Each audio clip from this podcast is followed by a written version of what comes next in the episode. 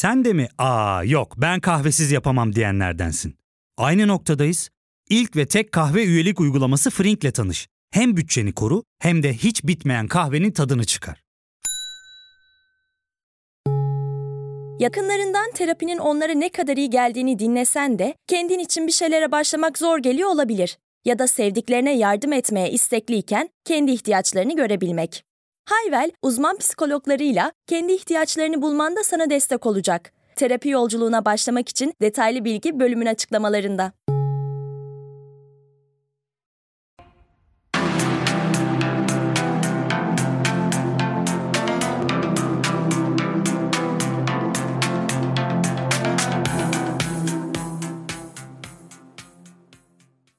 Merhaba Yakın İlişkiler severler. Ben Doktor Gizem Sürenkek. Bugün podcast serimizin yeni bölümüyle karşınızdayım. Hatırlarsanız bir süredir ilişkileri sürdürme konusunda konuşuyorduk.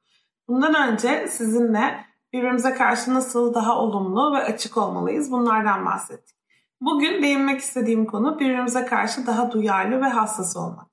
Peki duyarlı olmak ne demek? İlişkilerde ne önemi var? Hemen bunu tanımlayalım ve ondan sonra devam edelim. Literatürde algılanan partner duyarlılığı diye geçen bu kavram aslında ilişkilerimiz için inanılmaz büyük bir öneme sahip. Ne demek bu? Biz partnerimizin bizi ne kadar iyi anladığını hissediyorsak o kadar mutlu oluyoruz aslında ilişkide. Ve anlamak yeterli değil aslında. Anlaşılmak yeterli değil aslında. Anlaşılmak istiyoruz, onaylanmak istiyoruz ve arkasından partnerimiz anladığı şeylerle ilgili bize şefkat göstersin istiyoruz. Yani algılanan partner duyarlılığı bu üç farklı kavramı da içinde barındırıyor. Peki bunları birazcık daha açalım tek tek. Birbirimizi anlamak ne demek, birbirimizi onaylamak ne demek ve birbirimize bu anlamda şefkat göstermek ne demek? Şefkat göstermek olmadan mesela yeterince hassas olmuş oluyor mu partnerlerimiz? Yeterince duyarlı olmuş oluyorlar mı? Her şeyden önce şöyle başlayalım. İlişkiler içerisinde hepimiz birbirimize sıklıkla böyle minik sinyaller, çağrılar gönderiyoruz. Şimdi bu aslında romantik ilişkilere özgü değil sadece. Mesela ebeveyn çocuk ilişkisinde de ebeveyn de çocuğuna ama çocuk ebeveynle büyük ölçüde birçok sinyal gönderir. Yani küçük bir bebek bile ağladığı zaman aslında ebeveynlerine ya da bakım verenlerine benimle ilgilen diyordur. O benimle ilgilinin anlamı bazen altın doludur, bazen acıktımdır, bazen sadece kucaklanmak istiyorum, biraz benimle vakit geçirdir. Şimdi aynı şeyler yetişkinlikte de geçerli. Biz partnerlerimize bu çağrıları gönderdiğimiz zaman bazen diyoruz ki benim sevilmeye çok ihtiyacım var ne olur biraz benimle vakit geçir. Bazen diyoruz ki benim şu anda birazcık böyle motive edilmeye, bir hedefe doğru yönlendirilmeye ihtiyacım var. Ne olur biraz beni gaza getir. Bazen diyoruz ki benim biraz güvenim sarsıldı. Ne olur beni bizim ilişkimizin devam ettiğine ve aslında iyi olduğumuza, her şeyin iyi olacağına inandır. Bazen diyoruz ki bir yerlerde bir şeyler kötü gidiyor. ilişkimizde değil, ilişki dışındaki bir yerlerde bir şeyler kötü gidiyor. Gel beni her şeyin düzeleceğine inandır. Ama farklı farklı şekillerde, farklı farklı yerlerde aslında partnerimizin yanımızda olmasını ve yanımızda olduğunu bize hissettirmesini istiyoruz. Aslında bu konuşmalar esnasında çoğu zaman ve konuşma olmak zorunda değil bu çağrılar esnasında diyeyim. Çoğu zaman aslında biz çözüm beklemiyoruz, bir çözüm aramıyoruz. Bütün istediğimiz anlaşılmak, onaylanmak ve birinin bizi şefkatle sarıp sarmalaması ve bize kendimizi iyi hissettirmesi. Kadın ve erkek arasında bu anlamda da bir fark bulunmuyor. Algılanan partner duyarlılığı hepimizde çok daha yüksek ilişki tatmini, çok daha e, fazla iyilik hissi, hatta sağlıklı bir yaşam anlamına geliyor. Uyku kalitemiz bile algılanan partner duyarlılığıyla birebir ilişkili. Algılanan partner duyarlılığı yüksek olan ilişkilerdeki insanlar daha iyi uyuyorlar, daha iyi yaşıyorlar. İlişkilerini de daha iyi yaşıyorlar. O yüzden aslında birbirimizi doğru algılamamız her koşulda bize çok olumlu geri dönüyor. Peki bunu nasıl sağlayacağız? Birbirimizin çağrılarını nasıl okuyacağız ve neden bazen kaçırıyoruz birbirimizin çağrılarını? Şimdi düşündüğümüz zaman karşımızdaki insan bazen bir bakışıyla, bazen mesela omuzların düşüklüğüyle, bazen bir sözüyle ya da bir tartışma esnasındaki bir davranışıyla bizi çağırıyor. Benimle ilgilen diyor. Bazen biz kendimizi çok kötü hissettiğimiz için, stres altında olduğumuz için, Bazen onu duymak, yani o çağrıyı duymak işimize gelmediği için. Bazen sadece kendimizle meşgul olduğumuz için. Bazen ilişkide kendimizi müthiş konforlu ve rahat hissettiğimiz ve özellikle partnerimizle ilgilenme gereksinimi duymadığımız için bu çağrıları görmezden gelebiliyoruz. Bazen bu çağrılar ne demek? Gerçekten insanlar birbirlerinin ihtiyaçlarına karşılık verirler mi? Bundan haberimiz bile olmuyor. Çünkü böyle bir şey hiç deneyimlememiş oluyoruz. Aslında ebeveyn çocuk ilişkisinin yetişkin ilişkilere etkisini burada da gözlemleyebiliriz. Çünkü erken çocuk döneminde ihtiyaçları doğru karşılanan, ihtiyaçları hızla karşılanan çocuklar bu ihtiyacı başkasından aldıklarında da karşılamayı öğreniyorlar. Ama diğer türlü kendi ihtiyaçları karşılanmamış çocuklar başkalarının ihtiyaçlarını duymayı, görmeyi öğrenemeyebiliyorlar. İşte burada da aslında bağlanma stillerinin önemi devreye giriyor. Çünkü baktığımızda da çocuklukta bizim güvenli bağlanmamızı en iyi tahmin eden belirleyici ebeveyn hassasiyeti, ebeveyn duyarlılığı ve ebeveyn duyarlılığı şu üç şeyden oluşur. Çocuğun ihtiyaçlarını fark et, çocuğun ihtiyaçlarını doğru yorumla ve çocuğun ihtiyaçlarını olabilecek ilk anda gider. Bu üçünü tutarlı bir şekilde sürekli yerine getiren ebeveynler çocuklarıyla güvenli bir bağ kurmayı başarıyorlar aslında. Yani dikkat ederseniz burada çocuğumla bütün günü birlikte geçireyim, çocuğumun yanından hiç ayrılmayayım gibi bir şey söz konusu değil. Önemli olan çocuğun ihtiyaçlarının yanında olan kişi tarafından doğru algılanabileceğini anlaması.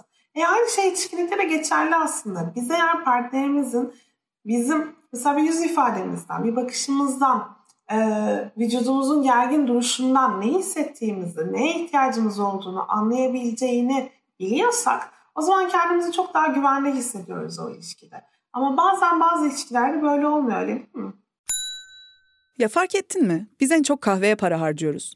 Yok abi, bundan sonra günde bir. Aa, sen Frink kullanmıyor musun? Nasıl yani? Yani kahvenden kısmına gerek yok. Frink'e üye olursan aylık sadece 1200 TL'ye istediğin çeşit kahveyi istediğin kadar içebilirsin. Günlük 40 TL'ye sınırsız kahve mi yani? Çok iyiymiş. Aynen. Hatta şu anda 200 TL'lik bir indirim kodu da var. E hadi hemen indirip üye ol da bu fırsatı kaçırma.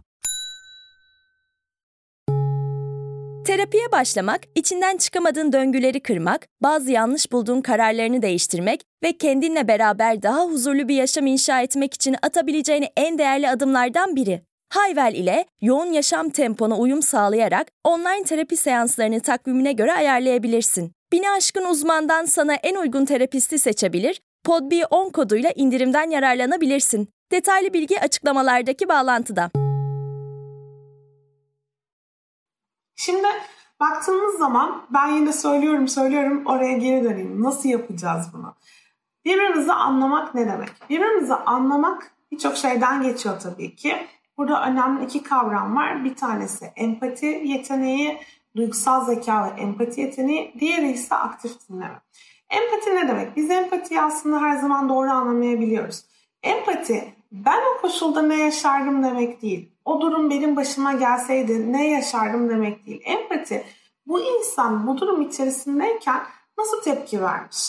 Yani diyelim ki benim başıma bir şey geldi ve anlatıyorum bu durumu. Aa ben olsam hiç öyle yapmazdım ya da ben olsam hiç öyle hissetmezdim dediğiniz noktada aslında empati yapmış olmuyorsunuz. Önemli olan Gizem o noktada ne hissetti? Gizem, Gizem olarak geçmiş tecrübeleriyle o, o durumu nasıl algılar ve o duruma nasıl tepki verir? Bunu anlamayı başardığımız noktada empati kurmuş oluyoruz aslında. Ve empati yapmanın temel yöntemlerinden biri de aktif dinleme. Peki aktif dinleme ne demek? Biz karşımızdaki insanları dinliyoruz, dinliyoruz ama o dinlemeler esnasında hep ya dikkatimiz dağılıyor, ya yargılıyoruz karşımızdaki insanı, ya bir cevap yetiştirme telaşında oluyoruz, ya onun söylediklerini bir saldırı olarak algılıyoruz, ya düzeltme isteği duyuyoruz. Hiçbir noktada o insanın anlattıklarını üzerine bir yargı koymadan dinleme ve gerçekten onun neye ihtiyacı var onu anlamaya çalışma çabası göstermiyoruz bazen maalesef. Ve öyle olunca da aslında karşımızdaki insanın ipuçlarını kaçırıyoruz. İpuçları derken aslında burada çağrılara, çağrıları kastediyorum. İşte tam da bu noktada karşımızdaki insanın çağrılarını kaçırınca karşımızdaki insan da kendini her şeyden önce anlaşılmamış hissediyor. Bazen karşınızdaki insanın çağrıları daha açık olabilir. Yani partneriniz size gelip mesela patronuyla yaşadığı bir sıkıntıdan açık açık bahsedebilir ve burada diyebilir ki beni anlıyor musun? Beni rahatlatmana çok ihtiyacım var. Bu işi kaybetmeyeceğimi düşünmeye çok ihtiyacım var. Bana yardımcı olabilir misin bu konuda diyebilir. Ama çoğu zaman bunu söylemiyoruz maalesef. Onun yerine problemimizi anlatıyoruz ve karşımızdaki insanın bizim anlattığımız problemi olduğu gibi anlamasını sonra bize evet çok zor bir durumdan geçiyormuşsun gerçekten demesini ki bunu onaylama diyoruz. Arkasından da bize bu yaşadığımız zor durum içerisinde şefkat sunmasını bekliyoruz. Ama çoğu zaman birbirlerini çok iyi tanısalar da partnerler anlama evresinde kalıyorlar. Sizi dinledikten sonra partneriniz size evet kötü bir durummuş hadi gel yemek yiyelim derse o zaman şöyle hissediyorsunuz. Ya demek ki benim anlattığım aslında o kadar da karşımdaki insanı etkilemedi. Oturup buna vakit ayırmadı. Onun yerine benim dikkatimi dağıtmayı tercih etti. Şimdi burada da her zaman doğru yorumlayamayabiliyoruz. Bazen karşımızdaki insan hadi yemek yiyelim dediğinde amacı bizim dikkatimizi dağıtıp bizi daha iyi hissettirmek olabiliyor. Ama buradaki mesele bizim ihtiyacımızın o olmaması. Bizim ihtiyacımız o anda o kişinin belki bize bir sarılması, belki bize bir canım ya çok zor zamanlardan geçiyorsun. Sana nasıl yardımcı olabilirim? Ya da canım çok zor zamanlardan geçiyorsun ama emin ol sen üstesinden gelirsin ve her şey yoluna girecek demesi. Peki diyelim ki siz neye ihtiyacınız olduğunu biliyorsunuz ama bunu karşı tarafa aktaramıyorsunuz. Bu mümkün mü? Kesinlikle mümkün. Çağrılarımızı yeterince açık tutmadığımız çok zaman oluyor maalesef. Peki neden? Reddedilmekten korkuyoruz. Yani ben bana sarılmana, bana iyi hissettirmene ihtiyacım var demek reddedilmekten korkan bir birey için çok zor. Çünkü karşıdaki insan bunu vermezse talep etmiş ve alamamış olacak. Talep etmediğimiz zaman karşımızdakini suçlamak daha kolay. Anlamadı, o yüzden vermedi gibi bir şey söylemek de daha kolay. Ama talep edip de vermediğini görünce bu sefer kendimizi çok değersiz hissedebiliyoruz. Algılanan partner duyarlılığında yani karşımızdaki insana gösterdiğimiz hassasiyette başka bir sürü faktör de var. Mesela çok yoğun bir iş dönemi geçiriyor olabilirsiniz. Yoğun stres altında olabilirsiniz. Ailevi problemlerle başa çıkmaya çalışıyor olabilirsiniz. Ve böyle bir dönemde aslında normalde hassas bir partnerken partnerinize bunu gösteremiyor olabilirsiniz.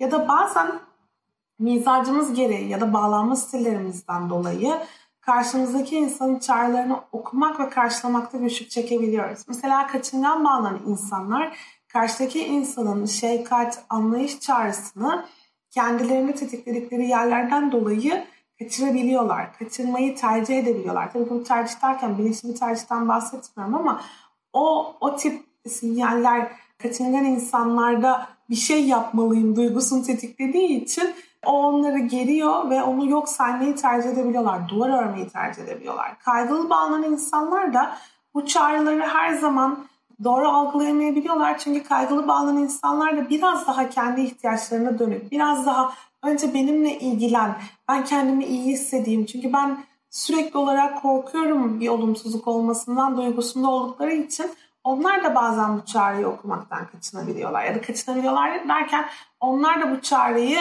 okuyamayabiliyorlar demek istiyorum. Ee, yine de bu podcast'ı dinlediyseniz bu noktaya kadar ise şunu söylemek istiyorum. Bir araştırma var. Bu araştırmaya göre partnerin çağrısını duyabilen insanların %86'sı 6 yıl sonra hala partnerleriyle birlikteyken bu çağrıları düzenli okuyamayan, tutarlı okuyamayan partnerlerin sadece %33'ü hala ilişkin içerisindeler. %86, %33 bayağı büyük bir farktan bahsediyoruz. O yüzden eğer siz de bu konuda zorluk çektiğinizi düşünüyorsanız partnerinizle konuşabilirsiniz. Ben sana nasıl daha fazla seni anladığımı hissettirebilirim diyebilirsiniz. Veya sana nasıl daha fazla anlayış gösterebilirim ya da sana karşı hissettiğim şefkati sana nasıl aktarabilirim? Bunu sorabilirsiniz. Veya partnerinize partnerinizin çağrılarının yeterince açık olmadığını hissediyorsanız partnerinize biraz daha direkt olması, ihtiyaçlarını size daha açık bir şekilde, daha doğrudan söylemesini onunla konuşabilirsiniz. Aslında birçok yöntem var. İlişkinin içerisinde ilişkinin dinamiğine bağlı olarak da değişebilecek yöntemler. Önemli olan sizin öncelikle bu konuda istekli ve hevesli olmanız. Beni dinlediğiniz için çok teşekkür ederim. Bugünkü podcastimizde hassasiyet, duyarlı olmak bunlar hakkında konuştuk. Bir sonraki podcastimizde dokunmanın öneminden bahsetmek istiyorum ilişki sürdürmekte. Bizimle kalın. Yakın ilişkileri takip etmiyorsanız takip etmeyi unutmayın. Herkese sevgiler. Hoş İlk ve tek kahve üyelik uygulaması Frink, 46 ildeki 500'den fazla noktada seni bekliyor. Açıklamadaki kodu girerek sana özel 200 TL'lik indirimden faydalanmayı unutma. Hadi sen de Frink üyeliğini başlat, kahven hiç bitmesin. Hem bugününe hem yarınına katacaklarıyla terapi yolculuğuna ve daha iyi hissetmeye bugün Hayvel ile başla. Açıklamadaki linkten Hayvel'i indir, ücretsiz tanışma görüşmelerinin ardından bütçene uygun seans paketini seç ve terapi yolculuğuna başla. Hoşçakalın.